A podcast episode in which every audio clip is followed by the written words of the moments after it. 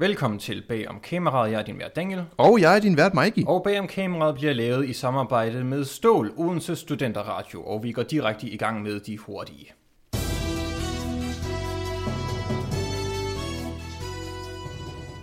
Træt af mangfoldighedskrav? Andy Samberg har svaret.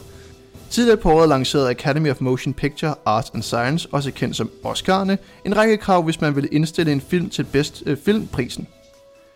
Reaktionerne gik fra, det var på tide til, hvad er det for noget lort? Der mistede Akademiet sgu den sidste mængde selvrespekt, de havde tilbage.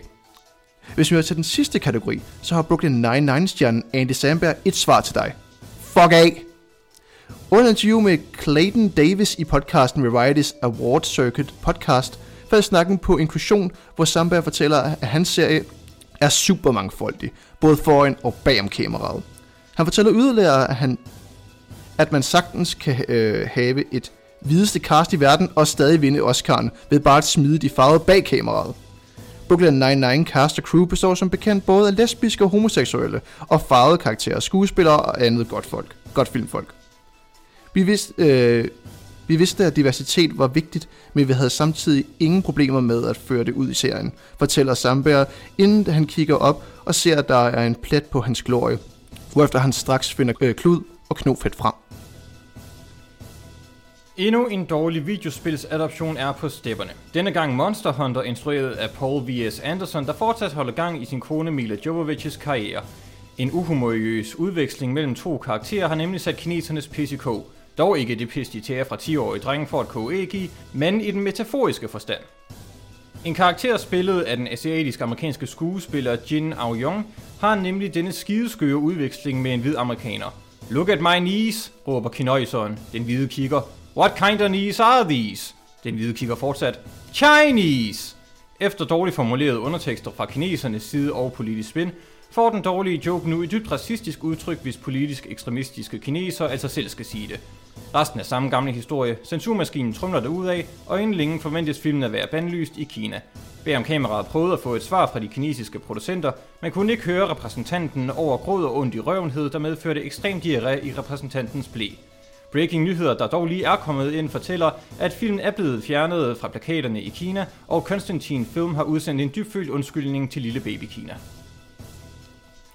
Witcher sætter fokus på handicap. Han har sgu i hoften. Showrunner fra Netflix-serien The Witcher, Lauren S. Hesrich, er kæmpe fan af Witcher-universet. Hun har for nylig læst bøgerne, men en detalje svang over hovedet på hende, ligesom de gjorde for mange lige så naive fans ifølge hende selv. Efter Hishwich var en tur på Twitter, så hun en tråd, øh, hvor der blev sat fokus på Witcher Gals handicap. Du tænker nok, kære lytter, hvad fejler et mutant menneske med overnaturlige kræfter i en overnaturlig verden? Er det mental PTSD? Har han mistet en arm, en lille tog? Nej, han har sgu lidt ondt i hoften og i albuen. Tråden sætter fokus på, at Geralt i bøgerne en gang imellem klager over hans skader fra en tidligere kamp. Denne tråd gjorde Hishwich ikke kunne sænke armene, for hun nævnte, at dette handicap ville blive udforsket i senere sæsoner af The Witcher. Så når du ser sæson 3 af The Witcher, så læg mærke til, om Geralt en gang imellem lyder småirriteret, fordi han ikke rigtig kan sidde ordentligt på en hest. Det er sgu fokus på handicap. X-Men bliver til X-Woman. Skuespilleren Ellen Page, man kender fra film som Juno, Inception og X-Men-filmene, forklarer nu, at hun er transkønnet og gerne vil tiltale som Elliot, som i en sidebeværkning både kan være et drenge- og et pigenavn. Hun forklarer yderligere, at hendes personlige pronomener er han og de, og at hun er non-binær, hvilket vil sige, at hun hverken identificerer sig som, som mand eller... Nej, jeg gider sgu ikke det her pis. Det var, det var de hurtige med kameraet.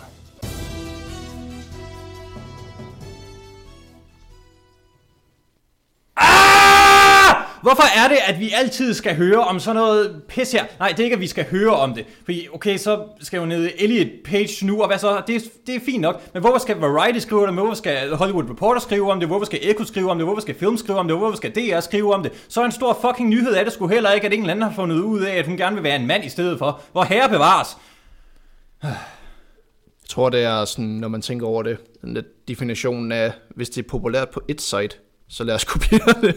Det her, det er eksemplet på alt, hvad der er med filmjournalistik. Ja, det er blevet sådan... Hvorfor er det, vi skal høre om det? Det er blevet sådan stjernefokuseret. Det er identitetspolitik af værste skare, og det, er, oh, og det, det har haft en befæstning i filmverdenen i lang tid. Men når det overtager det her, jeg skal sidde og få det samme artikel op i mit feed 500 gange i løbet af 10 minutter, Hvad er verden så ikke kommet til? Det viser i hvert fald en eller anden form for mangel på journalistisk identitet, hvis man vælger at poste det samme, som alle andre skriver. Så må Ja. man ligesom sige, den, den, er jo, den er jo taget sig. Ja, og i mellemtiden, så har vi Warner Brothers, der har valgt at smide alle deres øh, 17 store film ud på deres øh, streamingtjeneste øh, HBO Max, øh, samtidig med, at de skal komme i biografen. Yep, Det er en langt større nyhed. det er ret sindssygt faktisk, når man tænker over det i sådan en moderne filmkontekst. Altså, det, at smide sådan mange store film på en fucking streaming service. I Altså- stedet for, som, som mange siger jo, film skal ses i biografen, ikke sandt? Er det ikke sådan et meget stort budskab? Nogle det? film skal i hvert fald. Ja, ja, helt klart. Altså, øh, hvad, har, hvad, hvad kommer snart? Okay, den der øh, live-action øh, anime, animeret hybrid med Tom og Jerry. Altså, okay, og hvad så? Den skal jeg sgu ikke ind og se i Nej, biografen. den ser, den ser du på sofaen på et tidspunkt alligevel. Måske. Nej, det gør jeg fandme Nej, ikke. heller ikke i mit tilfælde, men altså, ikke, altså jeg tænker, hvis man skulle se den. Nå, ja, ja, bestemt, ja.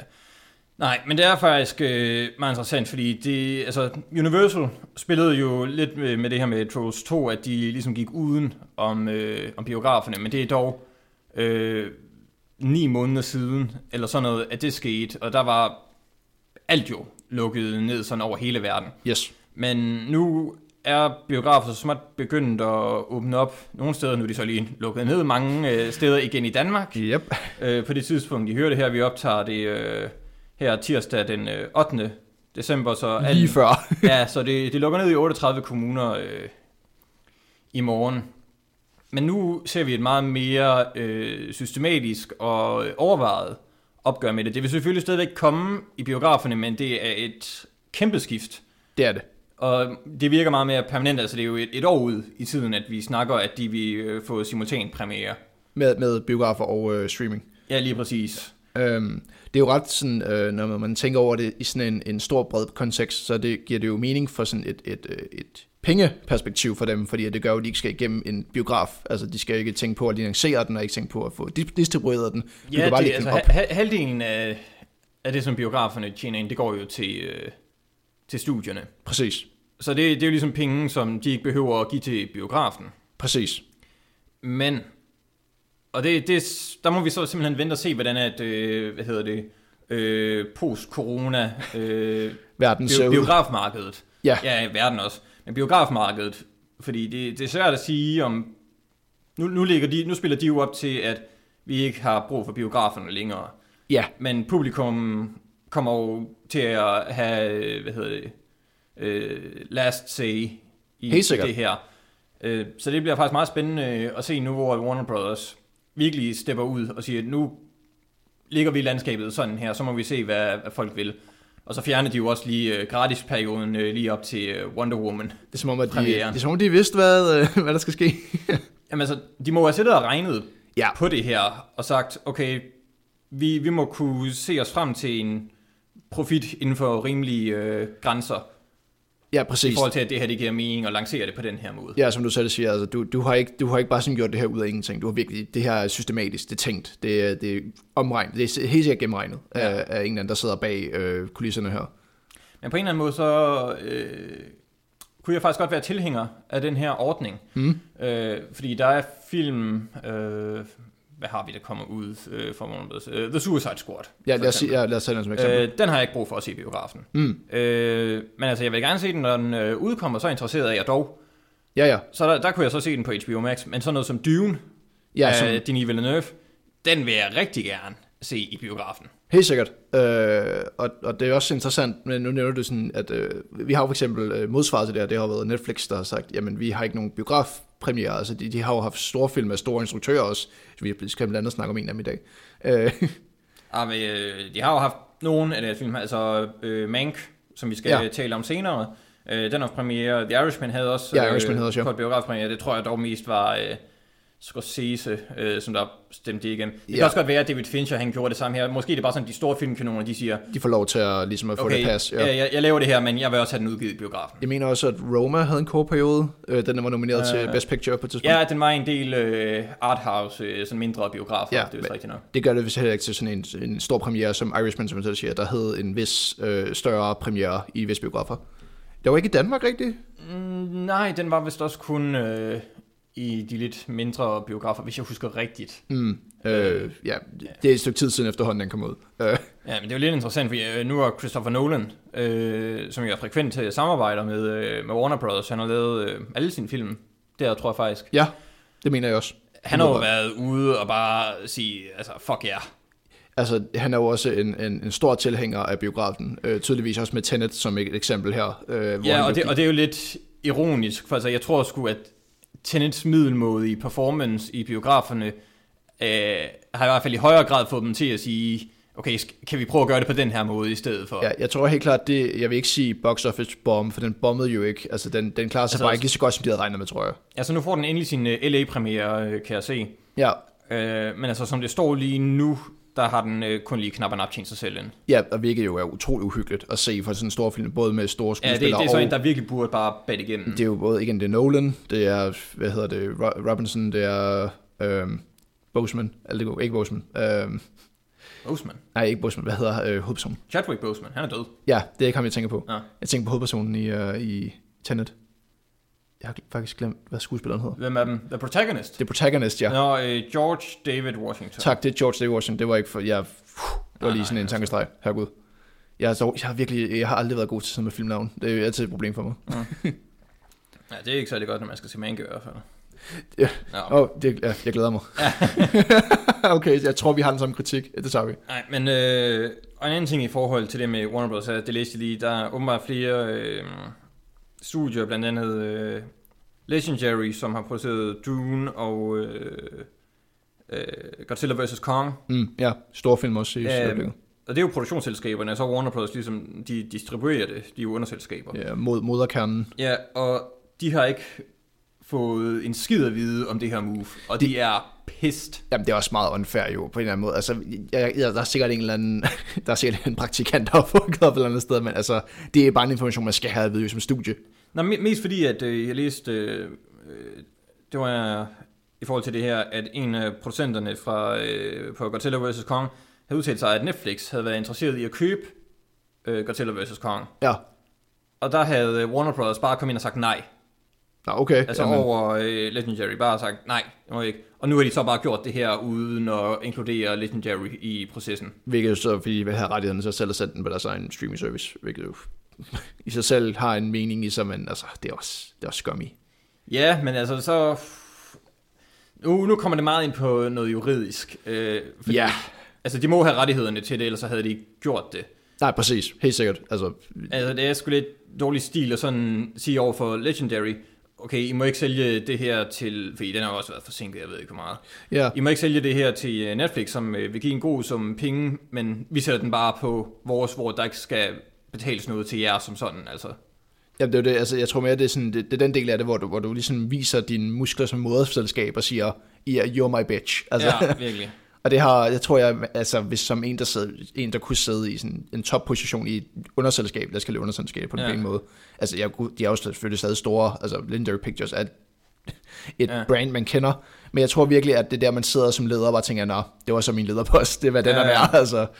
Men også, øh, jeg kan nemlig forstå, at øh, jeg mener, det var Universal, den der øh, heist-film med, øh, med øh, Eddie Murphy og øh, Nicolas Cage, mener jeg der. Mm. Mm. Øh, de prøvede nemlig, og det var tilbage i var det, 2009, øh, de prøvede jo at give den simultan premiere, altså både video on demand og øh, hvad hedder Biografpremiere. det, øh, biograferne.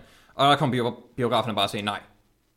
Ja, det er ret Og vandt. det havde de magten til. Det har de ikke længere, som det står lige nu. Nej, jeg tror, de er jo, i- også i den situation, vi er i lige nu, så tror jeg, de står i sådan et virkelig undertal. Altså, du, du er nødt til at være en studierne egentlig siger til dig, ja. du, ellers er du fucked. Men altså, nu må vi se, hvordan at, øh, det kommer til at gå, men altså måske så kan øh, den 3. december, da de annoncerede, annoncerede det, eller var 4. december? Nå, da de annoncerede, at de ville øh, give simultan premiere til alle deres, øh, alle deres film, altså det kan måske blive markeret som dagen, hvor biografernes død begyndte. Det var dødstødet. Måske muligvis. Ikke død stød, men i hvert fald, det var, det var, det var, det var sværet ind i, ind i maven, og så langsom forblydning derfra. Det første knivstik. Mm.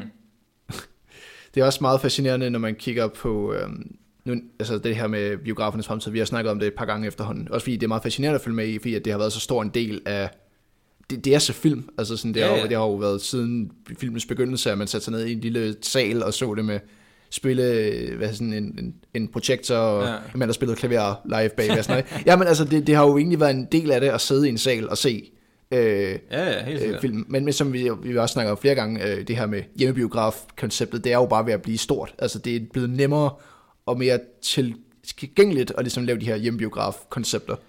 Ja, jeg tror specielt øh, tilgængeligheden, altså øh, for hvilken streamingtjeneste du har, du betaler 100 kroner om måneden, så kan du bare se løs.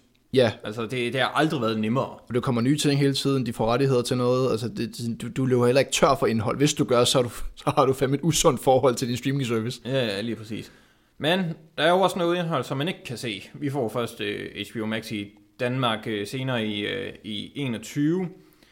Øh, men der er jo måder at komme udenom sådan noget på, Mikey. Ah, det var en god segway, jeg havde endda også fundet Ja, på, lige jeg, lige jeg, jeg, præcis. jeg havde endda også fundet på min egen segway. Okay, Vil, vil du høre min, min jeg, søde lille Jeg segway? vil høre din segway. Ja.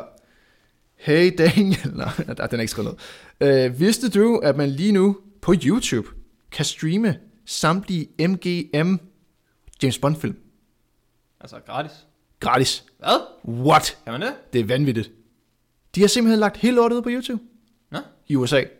Ah, Ah, den, ah okay. den, den amerikanske YouTube-kanal for MGM har simpelthen lagt øh, deres James Bond-film op. Deres gamle af dem. Hmm. Øh, det er så alt undtaget Sonys, det vil sige alt med øh, øh, Alpha Casino Royale Plus. Nå, kun dem. Ja, det, nej, det er alt før det. Nå, okay. Alt før Casino Royale Plus. Øh, for det er Ja. Sony ejet, øh, mens det er Hvad med, den, hvad med den originale Casino Royale? Den, Ja. der, den, der ikke var produceret i MGM. jeg, tror, jeg tror, at desværre, den, den er også off. Og øh, hvad er det? Uh, Never Say Never Again. Never say never again, ja. Ja, som jo egentlig også bare er Thunderball, fordi det var den eneste, de havde, øh, de havde rettighederne til den film, og så skulle de bare genfortælle med en lang, alt for gammel øh, Sean Connery øh, hvil i fred. hvilket er, ja, hvilket er virkelig fedt. Altså, det, det er et fedt koncept. Men i hvert fald, øh, jamen, øh, som, det var så min segway ind i at sige, Jeg føler Men- lidt, det ødelagde min segway. Jeg synes, den var meget naturlig, og nu... nu kommer jeg med min alt for forced segway.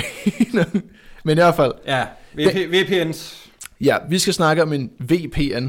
Øh, Virtual Proxy Network. det er nemlig lige præcis, hvad det står for. Og I har muligvis fået reklamer for det. Det har været ret stort at snakke om VPNs. Øh, Hvis du har set en video på YouTube, så har den været sponsoreret af Nord- ExpressVPN eller NordVPN. øh, og Surfshark er også på vej frem, øh, som en af dem. Surfshark, den har jeg ikke hørt om. Det er også en af de... Øh, den, den, den er reklameret sig nu at være den billigste VPN, du kan købe. Nå, okay. Men under omstændigheder, øh, hvis du sidder og tænker, øh, jeg har sgu egentlig ikke hørt om det her VPN-koncept. Konceptet er så far, at øh, du øh, aktiverer din VPN på din computer, du har, du har downloadet den, du installerer den, og den kan så kryptere din information. Forstår på den måde, at hvis du går ind på et website, så er du beskyttet. Du tænker nok incognito mode, men det her er mere krypteret end incognito mode. Ergo, du er næsten usynlig i gåsøjne på internettet. Ja, og det, det er det, de markedsfører sig rigtig meget på. øh, Det er det her med øh, datasikkerhed, fordi det Ja. ikke er blevet så en stor øh, del af vores øh, tilværelse Ja. øh, med den ekstreme digitalisering, der sker i vores øh, hverdag. Men den har jo også en anden funktion. Mikey, take it away. Yes. Du kan med din VPN, øh, de har de så også sørget for, fordi at der er så meget kryptering, du kan simpelthen kryptere dig, som om at du bor eller bruger en computer i et andet land. Det vil for eksempel sige, at jeg kunne lige nu gå ind, bruge min VPN, og så sige, at jeg vil gerne se James Bond-filmene, der ligger på YouTube. Så jeg vælger sgu da lige at sætte mig selv, jeg bor i USA. Bum, så bor jeg i USA, jeg får den amerikanske YouTube, jeg kan sidde og se James Bond-film. Og du kan gå ind på den amerikanske Netflix, har et meget større udvalg. Det er tit det, der bliver solgt, kan jeg huske. Det er, sådan, det, er det der med sikkerhed, og så bagefter er det, du kan bruge den amerikanske Ja, Netflix. præcis. Det har for det meste været det, der sådan er salgspunktet for øh, de her VPNs. Ja. Øh, jeg faldt over en artikel Mm. øh, for Films, øh, øh, som havde... Stod du der? Det var fantastisk for os, fordi at den artiklen spørger så, er det lovligt at bruge en VPN til at se ting i udlandet? Det tror jeg, det er en af deres mest sådan øh, øh, concise overskrifter nogensinde. Ja, jeg tror vist, hvordan er den lyder. Det er sådan meget... Det er rettighedsalliancen i Danmark. VPN-streaminger fra udlandet er ulovligt. Okay. Bum. Det, det sgu ikke nogen, det sgu ikke en diskussion for dem. Og det første, man tænker, det er, det er selvfølgelig, hvem fanden er rettighedsalliancen? Ja, Rettighedsalliancen er et uh, lille firma. Jeg har læst deres artikel efterfølgende, naturligvis, Ja. øh, for at finde ud af det. Og de er sådan nogen, der snakker om retssikkerhed for den gængse bruger, som der er mig. Det er okay. Lidt ligesom ombudsmanden. Du kan Yes. sådan spørge om, hvordan fungerer øh, den her rettighed for mig, og så siger de, det fungerer så og således. Okay. Nå, de mener så, øh, ifølge dem selv, at VPNs er ulovlige at bruge. Øh, og de forklarer det faktisk på en udmærket måde. Jeg har lige et citat her. Ja. Det er ulovligt af den årsag, at eksemplarfremstilling, der sker hos brugeren ved afspilning fra f.eks. Netflix, ikke sker på baggrund af et lovligt forlæg. Det vil sige, at rettighedsindehaverne kun har givet tjenesten licens til at distribuere indholdet på et amerikansk marked, hvorimod de ikke har givet tilladelse til distribution på det danske marked, Ja, som så, eksempel. de, så de har givet tilladelse til Netflix USA, men ikke Netflix Danmark. Yes, og så ved at bruge en VPN, så bypasser du ligesom den her rettighed for dem. Det vil sige, at der er en Okay. rettighedshaver, der lige nu sidder og siger, øh, jeg vil kun have den set i USA, og så, så siger vi egentlig bare, fuck jer. Ja, Jeg ser den alligevel. Øhm, hvilket er vores rettighed, hvis øh, ja, du vil have mit take på det i hvert fald. øh, så elsker jeg, at de har en kilde, der siger, at det er okay. Øh, og jeg elsker, så når man læser faktisk selve kilden, Ja, så siger de faktisk, at det er ikke okay overhovedet. okay. De nævner det her. Vi har ikke set nogen sager på området, så det de siger, er, at det er faktisk ulovligt, men der er ikke nogen, der er blevet sagsøgt. hvem, øh, hvem siger det? Rettighedsalliancen? Nej, det er øh, et, et øh, advokatfirma, de har øh, spurgt, Okay, der hedder øh, et Mikkel Weinsel Andersen. okay, ja, ja. Ja, men han er så advokat og ligesom er inde med det her. Yes. Men han siger, at vi, vi har simpelthen ikke nogen retssager om det, så du skal egentlig bare tage det roligt. Der er ikke nogen, der er blevet fanget endnu, Yes. basically. Så øh, når der er en artikel, der siger ja og nej, så plejer jeg at sige, hvad fanden, hvad fanden bruger man det til? Det, det er et fedt svar. Øh, Ja. men indtil videre har jeg jo givet nogenlunde svar på det, men øh, jeg har en, en ekspert, en god ven, jeg har, der er advokat i sin, øh, der er vellæst advokat, og arbejder for politiet om de her sager specifikt, altså Ja. om øh, ulovlig streaming. Og jeg tænkte sådan, jeg spørger ham lige, har du en idé om det her? Og han nævner så, øh, jeg kommer med nogle hurtige bullet points, hvad jeg spørger om, og sådan, hvad, Ja, ja, hvad svarene er. Jamen, så spørger jeg selvfølgelig et meget lige, lige ud af Er det ulovligt? Jamen, er en VPN lovlig overhovedet? Altså, kan man bruge en VPN lovligt? Og han var sådan, 100%. Du kan bruge en VPN på al mulig lovlig vis. Det vil sige, at det ikke er VPN i sig selv, der er ulovligt. Det er brugen af, det er den brug, du bruger VPN'en til. Ja, det, det er det samme, øh, der var med Pirate Bay. Præcis. Øh, piratsiden. Det var ikke, øh, altså, de havde, eller de blev selvfølgelig fældet til sidst, men de sagde bare, at vi er bare en, øh, en server jo, hvor folk kan lægge ting op, Ja. og så andre folk kan downloade dem ned, men vi vil jo ikke styre, hvad folk lægger op, selvom det var jo ulovligt det hele for helvede. Ja, det var det, der var konceptet. Det er jo lige så meget en ulovlig side, jo. Den Ja, ja, ligger, lige og præcis. jeg tror også, de vælger at lægge base i Guantanamo eller andet, for at du aldrig nogensinde blev fundet. Ja, Ja, så ja, det var ja. fedt. Øhm, jeg spurgte så efterfølgende, jamen øh, nu leger vi lige, at jeg øh, laver noget ulovligt her ved at gå ind på den amerikanske Netflix. Mm. Kan jeg blive fanget? For jeg, ham her siger jo, at der bliver ikke rigtig lagt sagen. Så siger, jeg, "Nå, men hvad, hvorfor er det så? Jamen som jeg nævnte før, så er det jo, at når man laver kryptering på sine data, så er det utrolig svært at spore øh, IP-adressen Ja, tilbage. det er lidt øh, sikkerheden indbygget. Ja, det gør faktisk, at rigtig mange, som han nævner, at de sager, han får, de ender der faktisk bare på skrivebordet. Altså, du kan ikke løse dem, fordi at du ikke kan opspore vedkommende, der har brugt VPN ulovligt. Ja. Øh, så det er lidt et problem, der ligger i den her VPN-lovgivning. Det Det, det siger jo lidt om, hvor, hvor godt produktet egentlig er. ja, der var Det, lige, det kunne sådan være, være en øh, et, et salgsmarketing. We haven't been caught yet. øh, og så nævner han selvfølgelig, at, at normalt bruger de jo IP-adressen til at finde det, og det er igen, som sagt, det er det, der gør, at VPN ikke fungerer. Ja. Øh, han nævner så bagefter faktisk, meget sjovt. Jeg brugte øh, den amerikanske Netflix som eksempel, øh, for at noget lovligt. Han sagde faktisk, at det sjove med dem, det er, at de faktisk ikke helt har gjort det så ulovligt. Øh, de har faktisk sagt, nogen er god for det. For konceptet er for dem, øh, at der ikke taber penge nogen steder. Fordi det er en månedlig subscription. Mm. Ergo, det er lige meget for dem, om du bruger den irske, den amerikanske. Jeg tror faktisk, det koster mere i Danmark, end det gør i USA. Det er jo så det eneste, der er jo, at de har tab i forhold til subscription abonnement. Men altså, er, rettighedshaverne får deres penge fra Netflix. Ergo, der er ingen grund til at sagsøge nogen. Altså, vi, de, de har ikke tabt noget på dig. Ideen er jo, at normalt, når der er ulovlig streaming indhold, så er det fordi, at de har tabt en eller anden form for indtjening. Ja, ja, for ja, Netflix har jo ikke tabt noget. De har jo stadigvæk øh, Subscri- dig, dig som abonnent. Yes, og rettighedshaverne får pengene fra Netflix alligevel, så de er sådan lidt, hvorfor fanden skulle vi sagsøge nogen? Altså, der er ikke nogen her, der taber noget som helst. Ja. Det eneste, som du selv siger, det er, at der er selvfølgelig forskellige gebyrer fra, fra land til land. Det er, jo, det er jo ligesom hende, der har skubbet, øh, hvad hedder det, øh, bysten af god gamle kong Frederik i havn. Det er jo ikke fordi, at vi, vi stjæler amerikansk Netflix. Vi rematerialiserer, Ja. rematerialiserer bare vores egen. Det er pretty much, hvad Netflix siger, du gør. Og der står faktisk på et, øh, Netflix egen hjemmeside, hvilket han, øh, min kilde har linket mig til. Mm. Der står faktisk, at spørgsmålet er, er det ulovligt at bruge en VPN? Og spørgsmålet, og svaret er bare sådan, ja, yeah, det, det, er, det synes vi faktisk, det er. Men øh, vi har ikke tænkt os at gøre noget ved det. Nej, det, eneste, det er der, fint nok svar egentlig. det eneste, der sker for Netflix, det er, hvis de opdager det, så skal de faktisk lave en action. Og for det meste, så laver de bare sådan en skærm, der siger, ups, vi kan se, at du bruger en VPN. Vil du så slukke for den? det er bogstaveligt talt det eneste, der sker, hvis du bliver opdaget med en VPN på Netflix. This is illegal. You will not be Ja, prosecuted. li- literally, hvad der står på skærmen. Altså, det synes jeg, det synes jeg var fantastisk. jeg Ja, læste det er sgu herligt. Det, det er fedt, at de var sådan, jamen, altså, gider godt lade være med, altså, kan du, kan du ikke bare lade være? Det, det er sådan lidt irriterende. Øh, men så nævnte jeg jo så, du nævnte øh, specielt HBO, Ja. som er det gode eksempel her, fordi der er faktisk nogen, der bruger deres VPN til at øh, komme ind på den øh, HBO Max. Max lige nu. Ja. Og der sagde han, der ville da helt klart være noget, de slår ned på. Ja, fordi det er ikke engang lanceret. Øh, Præcis. Der nævner han det her med det geografiske element. Ja. Altså hvis øh, tjenesten ikke er tilgængelig i øh, det land endnu, så er det der, hvor det, det begynder at se krypti- kryptisk ud. Men som sagt har de stadig problemer med VPNs, at der står ligesom, du er i USA. Ja. Så de kan ikke opspore dig tilbage, fordi der bare står en amerikaner og går ind på den amerikanske øh, HBO Max, mm. whatsoever. men så burde det vel også være ulovligt i det her tilfælde.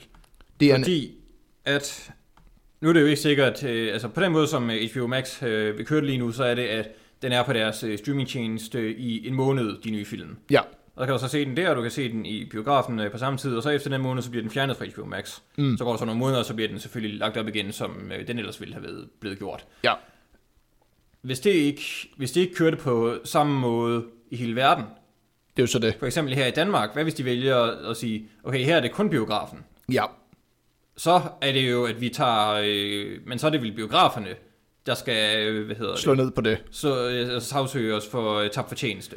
Yes. Øh, det, det kan være meget interessant, for jeg spurgte nemlig det her med, jeg, jeg nævnte også Hulu, blandt andet. Mm, der er ja. også den amerikanske Hulu.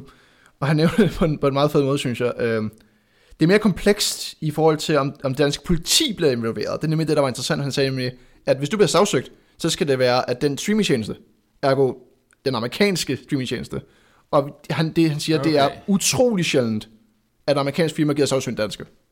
Ja. Fordi så skal de involvere alt muligt med amerikansk Åh, politi ja, og, og, og dansk EU, politi. og... Yes. Og, Åh, det bliver et helvede. så det er derfor, at for det meste, så gør de absolut ingenting med... Øh, Ja, man gider bare ikke besværet. det er det her, de siger, at, at i forhold til, hvad de sagsøger dig for, det er ingenting. Altså, ja. Du, du får ikke sådan en bøde, og det er, sådan, det, det er straffen, du får for det. Øh, Medmindre du virkelig har downloadet, altså så skal du have downloadet, hvad der svarer til sådan fire servers af film. Altså, Nå, men så er det også øh, downloadet i stedet for VPN streaming. Altså. yes. Det, Det er også to meget forskellige ting. Ja, øh, det, til sidst der nævnte var selvfølgelig, jamen nu har vi snakket om streaming og sådan noget, så siger han, jamen egentlig der, hvor det er rigtig slemt, øh, det er jo selvfølgelig der, hvor et, en site bruger, du nævnte Pirate Bay, mm. lægger indhold op ulovligt, øh, uden rettighedshaverens altså involvering. Ja. Og det var det, han sagde, det er ligesom de sager, der mest ligger på skrivebordet. Han nævnte for eksempel Popcorn Time, at mm. de har flest, det er faktisk, han har været med til at lave flere sager mod dem, Ja. og har også vundet, kunne jeg, kunne jeg forstå, fordi at de ligesom bare ligger, der bliver bare lagt film op, øh, ovenkøbet også biograffilm, og siger han, der, der, bliver, der bliver fedt i fældet, fordi ja. Det er fucking slemt, at det er biograffilmer. Yes, yes.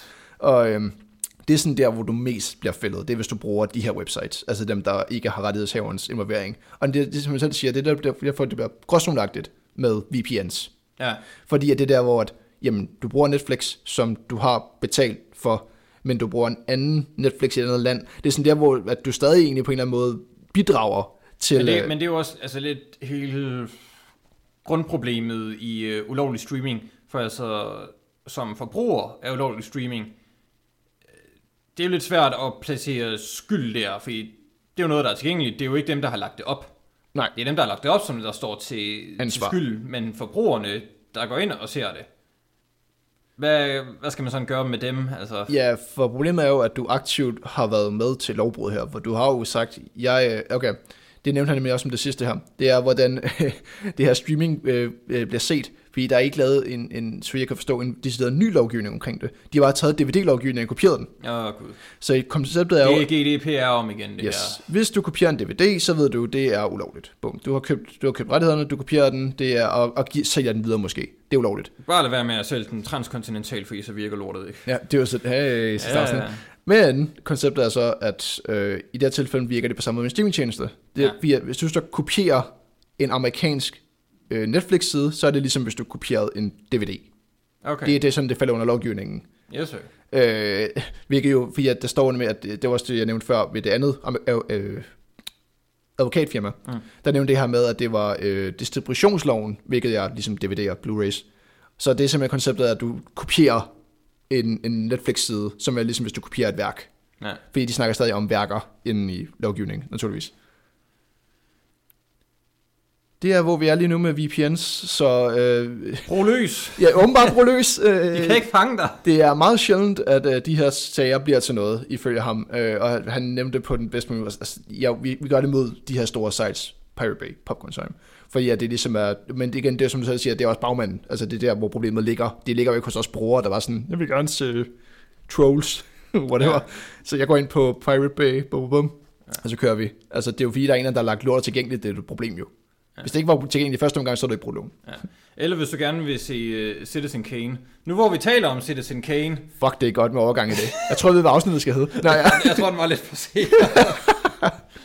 uh, nej, men uh, jeg tror, vi lukker for de dybtegående Yes, det gør vi. og går over til uh, vores anmeldelse Ja. for dette afsnit, uh, som er David Finchers uh, nye film Mank, der kom på øh, Netflix her den 4. december. Ja, Øh, jeg havde set rigtig meget frem til den her film. Øh, fordi den omhandler øh, en af mine yndlingsfilm, Citizen Kane. mm, Øh, samme her. Troede jeg, den gjorde. Uha, ja, nu bliver det fascinerende. Jeg havde det på samme måde, fordi at, øh, jeg havde faktisk, øh, jeg havde været lidt under radaren med den, fordi at du fortalte mig, om vi skulle se Mank, så var jeg sådan, jamen det kan vi godt. Jeg havde egentlig ikke hørt, at den kom ud, og så nævnte du, at den handlede om øh, skrivningen af Citizen Kane, Ja. og så tænkte jeg jo bare, fedt mand, jeg elsker Citizen Kane, Ja, ja, David Fincher, der instruerer. elsker at høre baggrundshistorier og sådan noget stads, altså det er altid sjovt at høre, hvordan sådan noget bliver til. Øh, Ja, og jeg havde så stor tiltro til den, og tænkte, der var så meget godt at tale om, at jeg tog beslutningen om, at vi øh, ikke skulle se retfærdighedens rytter, men øh, Ja. i, i stedet for at se den her. Så kan man tænke lidt over det, når vi lidt snakker om den. Eller nu snakker Altså, om den har ikke kostet os andet end, øh, end tid. Det må man sige. Øh, jeg har nogle praises til den, det er faktisk en. Um, Ja. ja. ja, jamen, øh, production designet er super fedt. Altså, det, jeg elsker et film er i sort-hvid, by the way. Mm. Og vi har ikke engang snakket, hvad den handler om. Den handler jo om uh, sådan manuskriptproduktionen til uh, Citizen Kane. Ja. Herman Mankiewicz. Mankovic, ja, Mankiewicz. øh, som er ham, der har øh, co-wrote ifølge øh, MDB. ham, der co-wrote Citizen Kane sammen med Orson Welles. Yes. Og det handler så om, hvordan det her manuskript kommer til. Altså, hvordan Citizen Kane bliver skrevet, Ja. troede vi. Jamen, det er der også. Ja, jo, det, jo, jo, det er jo. det er der også. Øh, lad os lige starte overordnet set. Hvad, hvad synes du om filmen? Okay. Øh, jamen, jeg gik jo ind i filmen med, med høje forventninger. Øh, den starter fint med sådan et gammelt tema, der lyder som noget fra 30'erne, og, og den kører med sort-hvid, og faktisk virkelig, igen, virkelig fed production. Hvad jeg sad bare sådan, fuck, hvad sagde det? det Ja, den, den, er, den er lavet i stil af den måde, at film blev lavet på dengang. I 30'erne, ja. Ja, med rear projection, og de kører, Ja. og, og så videre. Da, da jeg så det, blev jeg sådan lidt nostalgisk på en eller anden måde. Altså også sådan, øh, et øh, mono soundtrack. Der er ikke noget stereo i det hele af et øh, lydspor. Ja, hvilket også er meget tydeligt på lydsporet. Det lyder meget fascinerende, når man er vant til mono. Ja, eller det, det tog mig lige sådan øh, stereo. 10 minutter i kvarter, så begynder sådan... Der er noget galt. Det, nej, ikke noget galt, men det, det lyder specielt, Ja. når de sådan taler, og der er musik og... Ja. Øh, Jeg synes helt klart også, det var øh, sådan, der er også meget charme over, for eksempel har de øh, den, den, den sorte prik oppe i højre hjørne engang imellem, Ja, som er projektor, det der øh, det gamle tegn til, at projektøren skal ligesom skifte film, Ja, ja, rulle, ja. ja. og hvilket jeg synes var virkelig sådan, det, det, der er meget charme i det her. ja. Øh, og vi kan også snakke om, jeg vil også gerne nævne sådan noget som skuespillerne, altså alle gør det rigtig godt. Mm. Øhm, men nu spørger du mig over overall, jamen jeg vil sgu, jeg vil sgu ikke, altså det var der, hvor man var så tilbage, jeg ved, jeg ved ikke, hvad jeg havde regnet med bagefter, sådan lidt, nå, men så har jeg hørt lidt om ham. Jeg blev mildest talt skuffet. Det gjorde jeg filmen. også, ja, det var Øh, det er godt over for det. Jeg vil give dig ret i forhold til øh, selve filmhåndværket. Rigtig mange gode tekniske callbacks øh, Ja. til den gang. Også generelt bare sådan, og og den med også, men sådan, øh, den måde, at, at manuskriptet er skrevet på, tænker jeg sådan med, med line delivery og sådan, de er virkelig sådan poetisk og rytmisk, den måde Mankovic snakker på. Jeg kan forstå, at han er meget karismatisk. Og jeg, jeg, jeg synes virkelig, at manuskriptet har sådan en virkelig fed rytme, når han snakker. Ja, og Gary Oldman øh, spiller også rigtig godt. Han spiller Øh. øh. sindssygt godt. Ja, fantastisk. Altså, han, han, bliver, han blev nomineret til en Oscar. Jeg tror, den her film bliver nomineret til en del Oscars. Ja, det her Øh. har jeg snakket om for sådan en time siden med en, med en ven. så jeg tror, at både øh, Oldman får øh, nomineret, og tror også vinder den. Og så tænker jeg også, at, øh, at film bliver nomineret til en Oscar. Jeg ved ikke, om den vinder den. Ja, uh, det, Ja. Jamen, det, det, er, det er svært at sige, og, og nu skal jeg fortælle dig, hvorfor. Ja. For nu kommer vi til de mange kritikpunkter. Øh, Okay, jeg håber også, du har stykker, jeg har Jeg også har. en god liste. Ja, og Det største problem, det er, at jeg er forvirret. Tak. Da lige så snart, øh, så filmen er bygget op for resten af nutid, ergo øh, Mankiewicz skriver... Øh, Den er fortalt igennem flashbacks. Ja, og ja, præcis, den er fortælling om flashbacks. Ja. Og- På samme måde som Citizen Kane er. Hvilket jo, jeg tænkte, var en fin lille notch til, at det sig Ja, ja. Men i hvert fald, lige så snart det første flashback hente, kunne jeg ikke følge med længere der. Der, der var jeg virkelig lige brug for lige at stoppe filmen, lige spole, faktisk spole tilbage, og så lige adjuste til, okay, hvad, hvad har jeg lige set, hvad, er lige, hvad skal jeg lige øh, sådan forstå her? Ja, og, og hvor er vi henne? Ja, Og hvem er vi med, og hvornår er vi... Øh, den, den hopper meget rundt. Det, det føles på mange måder som en eller anden dramatiseret øh, historieteam. altså, 100 sådan i skolen, altså. Ja. Øh, og så meget kort, filmen omhandler, altså den, den bruger meget øh, skrivningen af Citizen Kane som sådan rammen Ja. for den, den reelle fortælling, hvilket er Manks forhold til ham her, avisgiganten øh, Hearst, Som jeg først fandt ud af bagefter, sådan, åh, ja, han var også med i filmen. ja, som bliver spillet af, af Charles Dance. Ja. Øh, og det, det, finder man, det, det går sådan op for en til sidst, okay, det, det er deres forhold, som det her det handler om. Men det deler kun tre scener, og en af dem, der har de ikke nogen decideret dialog sammen. Det, det er også helt klart et, et, et kritikpunkt, jeg har skrevet ned her. Det der med, at, at Mankovic, øh, eller Mank, øh, virker som den eneste karakter i filmen, som nogle gange. Altså, alle de andre er bare sådan, de var statister. Der var sådan er der.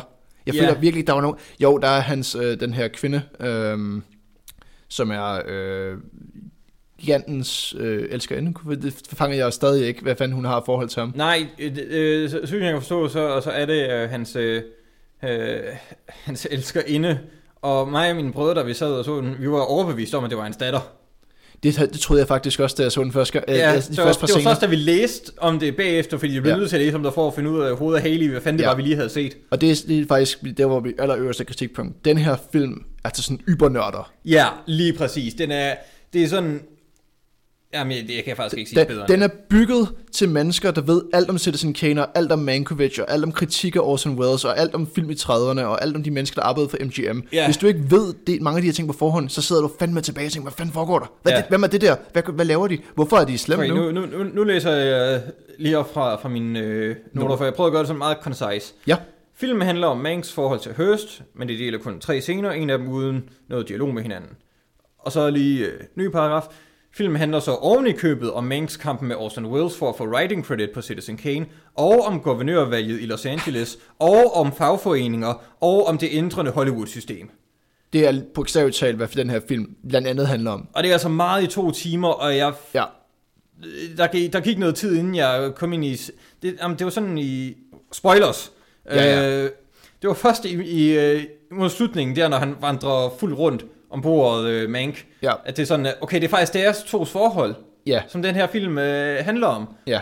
Og så kommer, hvad kan man sige, epilogen så øh, med øh, det med Orson Welles, som de også har fået en rigtig god øh, stemme Ja, og lookalike også, siger ja, jeg, synes jeg. Det er virkelig- Øh, dog lige der til sidst, når han begynder at råbe, der mangler han lige Orson Welles sådan røst. ja, jo, jo, helt sikkert. Men det var sådan, den, den mangler altså noget fokus og grundfortælling, Ja. den ikke bliver så mudret, som den er. Og, Ja. jeg, og jeg tænkte faktisk, at en meget interessant måde, og bedre den kunne have gjort det på, det er ligesom i The Good, The Bad and The Ugly, Mm, ja, hvor at, altså det handler jo egentlig om de her tre karakterer, ikke også? ja, Og så har vi ligesom den, øh, den amerikanske borgerkrig, som den her setting, ja. og så noget, der sådan, sådan øh, vivler rundt om, øh, om deres øh, konflikt med hinanden. Yes. Og det er det samme som, altså hvis vi har Mank og så, som de to øh, hovedkarakterer her. Er good and bad. Ja, ja, og så, og så har vi så, hvad hedder det, det her guvernørvalg i Los Angeles, og deres øh, øh, politiske differencer, og det her med fagforeninger og det ændre Hollywood-system, som ligesom Ja. skaber splid imellem dem. Ja. Øh, det kunne have været rigtig fedt, hvordan at øh, miljøet ligesom havde Påvirket påvirket dem, dem, ja. dem og deres, øh, deres forhold. Men i stedet for, så er det bare sådan nogle forskellige ting, der sker. Præcis, og det er, sådan, det, det, det er der, hvor det helt klart går galt.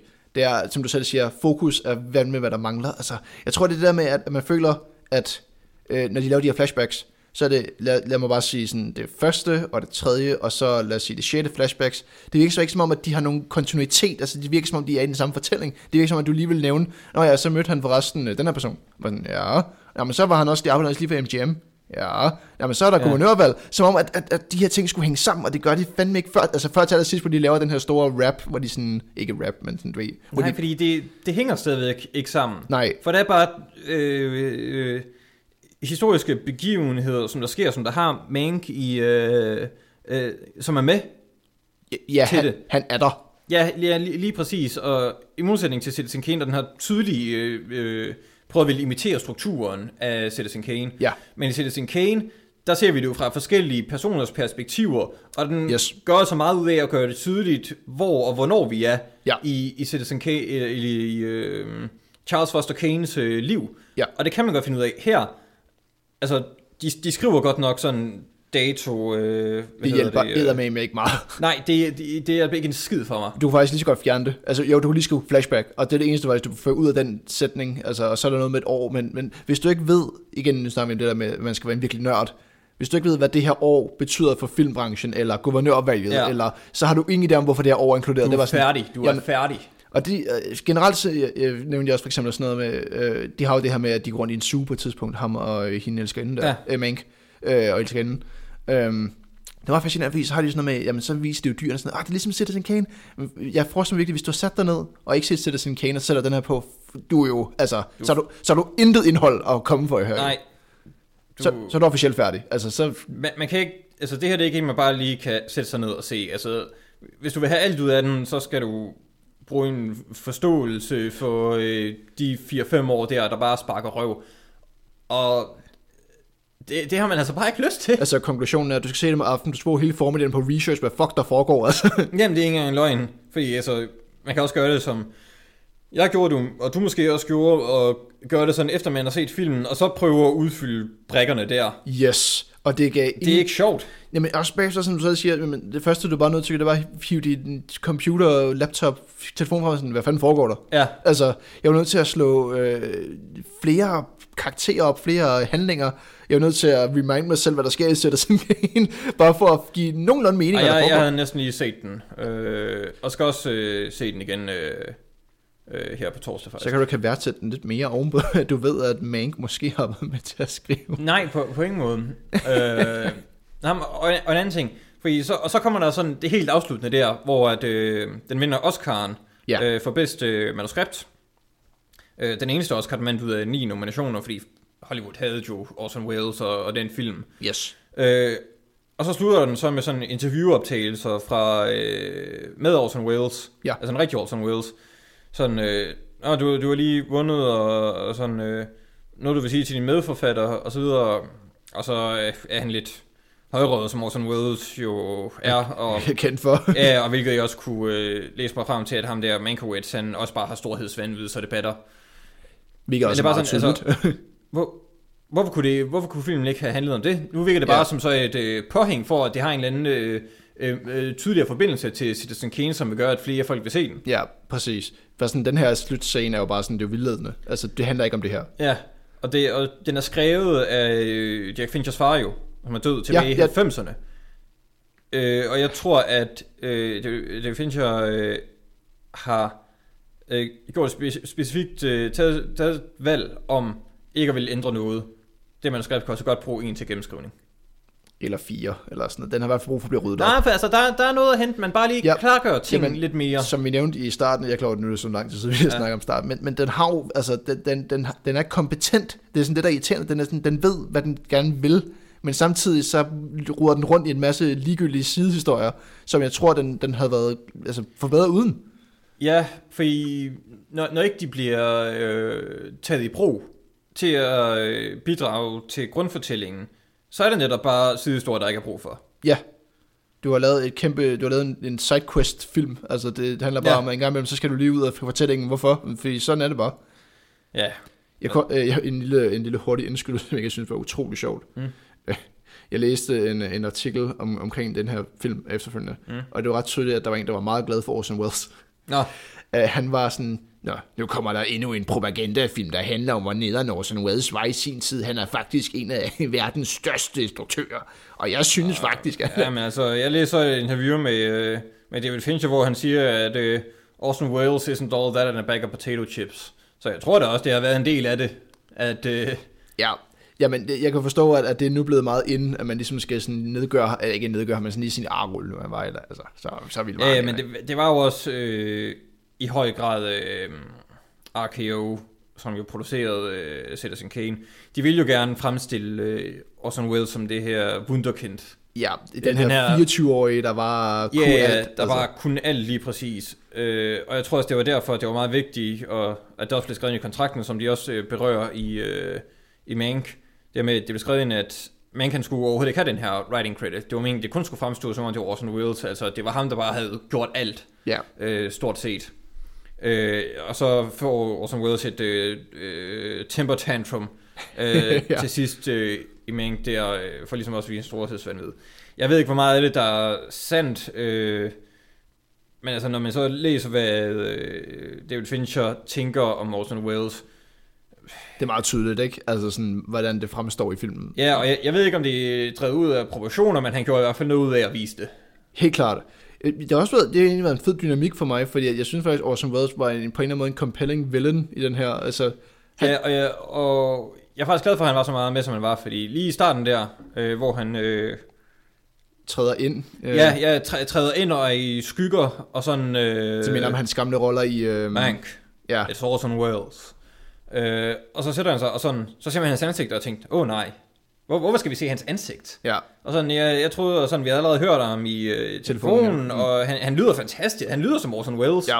Og, sådan, og så viser de ham, og så, men så efter de viser ham, så tænker okay, så kom, han bliver nødt til at være mere med i filmen, for ellers så gav det ikke nogen mening at vise ham. And det er det, og det var... Ja, ja, og det var herligt. Det er et highlight, af, da han kommer. Der var jeg Det fandme... Nu sker der fandme Hvorfor, noget, kunne, altså. hvorfor kunne filmen ikke have handlet om det, ærligt talt? Jamen, altså... Øh, oh, ja, det er faktisk... Ved du hvorfor? Fordi her, det her det skulle være et passionprojekt for, hvordan at Hollywood fungerede engang, og Ja. guvernørvalget og fagforeninger, og det skulle absolut bare med, i stedet for at handle om øh, Mankiewicz og øh, Wills kamp, om øh, øh, hvem der har lavet, kreeret Citizen Kane. Og lad os da lave et lille sideplot her. Øh, Mankovic's øh, addicting til, øh, til alkohol. Bum, du har et sideplot lige der.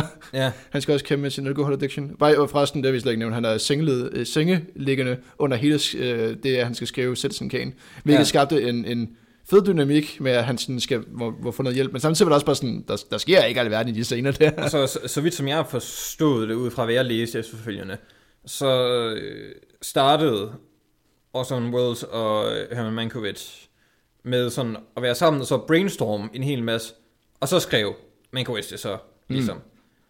Og det får man i hvert fald ikke indtrykket af i Nej. den her film. Der er det udelukkende Mankiewicz. Han er the genius. Han er manden bag. Ja, lige præcis. Altså, der, der, den der, det er mere der, hvor de prøver at sige, at du faktisk skal skrive Orson Welles af som writing credit. Det er egentlig det, den prøver at fortælle dig. Ja, det, det, det ligger der helt sikkert øh, i det, i hvert fald den mængde, som den tager på Så, så, så, det, er jo en, så, så, så egentlig moralen er, øh, Orson Welles skulle ikke have vundet den Oscar. Det er egentlig kun Mankiewicz, der skulle have vundet for Citizen Kane. Ja. Jamen, det, det tror jeg, det er den prøver at sige, altså, ærligt talt. Nej, det var, det var skuffende. Det var det. Sige. Især fordi, at når man har så stort et navn som David Fincher, der kommer ud med en ny film, man tænker, og, og det skal handle, som du selv siger, om Citizen Kane, og det lyder jo det lyder som et match made in heaven, når man hører det. Ja, ja, altså, Gary Oldman spiller godt. Ja. Filmen er solidt håndværk. Øh, Fuldkommen. Med mange tekniske callbacks til Citizen Kane. Og den generelle måde, man lavede film på i, øh, i slut 30'erne og 40'erne. Fantastisk dialog blandt skuespillere, alle, Ja. alle øh, har nogle virkelig fede rytmiske... For, forvirring, jeg følte godt, og bare, jeg brugte mere tid på at prøve at finde ud af, hvad fanden der skete, i stedet for at nyde filmen. Det tager en ud af oplevelsen, når man skal sidde og tænke over, hvad man ser. Ja, virkelig. Og der gik ikke lang tid, før jeg bare gav op, op og håbede på, at jeg fik en anden åbenbaring, hvordan det hele hang sammen i løbet af filmen. Ja, samme her. Det er desværre vores øh, Og jeg fik, jeg fik så også den øh, åbenbaring. Nå, det handler om ham og Charles Dances forhold. Hvorfor fanden har vi så ikke set mere med dem? som du selv siger, ja. Ja. tre scener. ja, Så det er desværre ja. vores triste verdict. Uh, vil, men vil du anbefale andre at se Mank? hvis du er, som jeg selv nævnte der, den ypperste filmnørd, der, har, der ved alt om Citizen Kane og alt om cinema i 30'erne, så tror jeg faktisk, du kan få en eller anden form for underholdning ud af det. Men altså, det, er- det er fandme et niche øh, audience, du har der. Ja. Jeg, øh, jeg tror faktisk ikke umiddelbart, at jeg vil anbefale den. Ik- ikke med mindre, man har kendskab til alt det der. Og det er også bare ja. noget af en, af en dialog at tage også. Altså hvis vi lige skal prøve at lave et, øh, et, øh, et rollespil lige hurtigt til at slutte af på. Ja. Okay, så, øh, spørger mig, om man kan være at se. Hey Daniel, Ja, er Mank værd at se? jo, altså, hvis du har set Citizen Kane først og fremmest, så kender du lidt om historien bag den, og så øh, kan du huske guvernørvalget i 38 i Los Angeles, Øh, øh, og øh, opstartelsen af, hvad hedder det, The Writers øh, Guild, Mm, ja. og øh, det ændrende Hollywood-system. Øh, n- nej, Nej, men så kan du dykke ned i nogle bøger og så se film bagefter. Fedt Altså, man. det er bare ikke en udvikling, man gider at have øh, hver gang. Allerede som du selv siger, dykke ned i nogle bøger, hvor jeg Ja. ser en film er fedt, mand. Jeg går i gang. Ja. Ej, der kommer jo selvfølgelig et hav af artikler, der nok skal sætte det ind i en kontekst, men altså, så igennem det Findes du... allerede. Ja, ja, og så igennem det, der er film jo så også allerede spoilet. Jeg ved ikke, om man sådan kan spoile en historisk film på den måde, sådan, der uden så gang Hitler dør, altså... What? Ja, altså, Øh, Man kan sige, at i det her tilfælde er det sådan, at, at, at når man snakker om... øh, Det er også det, der er interessant, når man laver historisk kontekstfilm, det er jo, at du skal jo egentlig tage noget, der ikke er særlig kendt. Fordi øh, vi havde for eksempel Bohemian Rhapsody som et, et, et koncept her, hvor det er sådan et... skrald. Du ved jo rigtig meget om Freddie Mercury, ved at han er så et stor, han var så stor en Men karakter. det, er, det er så også derfor, at den film valgte at fortælle en anden historie, som satte Freddie Mercury på en pedestal. Ja, Jeg kan ikke lide den film. det kan jeg høre. Jeg fatter ikke, at den vandt for bedste klipning. Nå, det, oh, gud, ja, det gjorde den. Det ved gjorde jeg jeg da ikke. fandme. Ja, det ved jeg ikke hvorfor, faktisk. Nej, men det er sgu, hvad det er. Men i hvert fald, det der, det der, jeg vil sige, hvis du skal lave en historisk film, så lav noget niche. Det her er niche, men lidt for niche. Jeg er glad for, at det dog ikke var en biopic. Hvis det havde været det, ikke?